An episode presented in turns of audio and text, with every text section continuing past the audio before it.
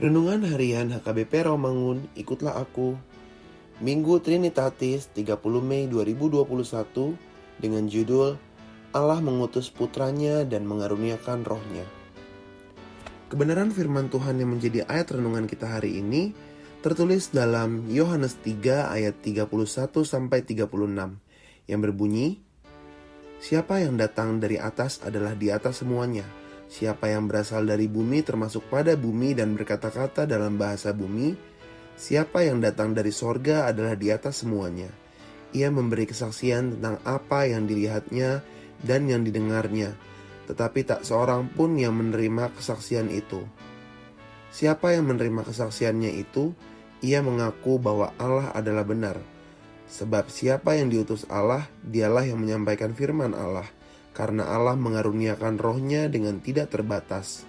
Bapa mengasihi anak dan telah menyerahkan segala sesuatu kepadanya. Barang siapa percaya kepada anak, ia beroleh hidup yang kekal. Tetapi barang siapa tidak taat kepada anak, ia tidak akan melihat hidup, melainkan murka Allah tetap ada di atasnya.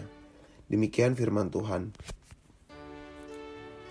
Firman dan roh sama-sama berasal dari Allah, Firman menjadi daging yang diwujudkan dalam pribadi Yesus Kristus yang 100% adalah Allah dan 100% adalah manusia. Melalui firman semua tercipta dari bumi hingga manusia. Firman jugalah yang menyatakan tentang roh kudus yang juga merupakan anugerah Allah yang terbesar. Dalam perjanjian baru digambarkan kehidupan dan tindakan orang Kristen adalah sebagai tindakan iman. Ketika seseorang telah menerima Kristus, Roh Kudus turun menaungi dia dan membangkitkan kuasa untuk kita menjadi anak-anak Allah.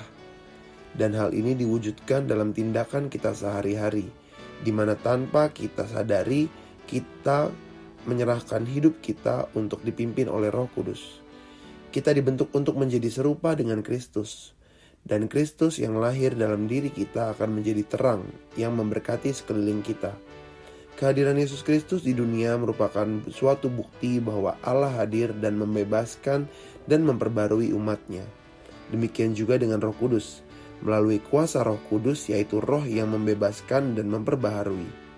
Roh kudus menolong, membimbing, dan meneguhkan umat untuk ikut serta dalam karya keselamatan yang direncanakan Allah melalui salib Kristus. Roh Kudus memperlengkapi umat dengan karunia-karunia-Nya untuk mewujudkan keselamatan itu dalam kehidupan bermasyarakat, berbangsa, dan bernegara dengan mewujudkan suatu tatanan kehidupan yang penuh dengan keadilan. Marilah kita berdoa, Ya Tuhan, teguhkan iman kami agar kami senantiasa menyatakan Engkau dalam kehidupan kami. Amin.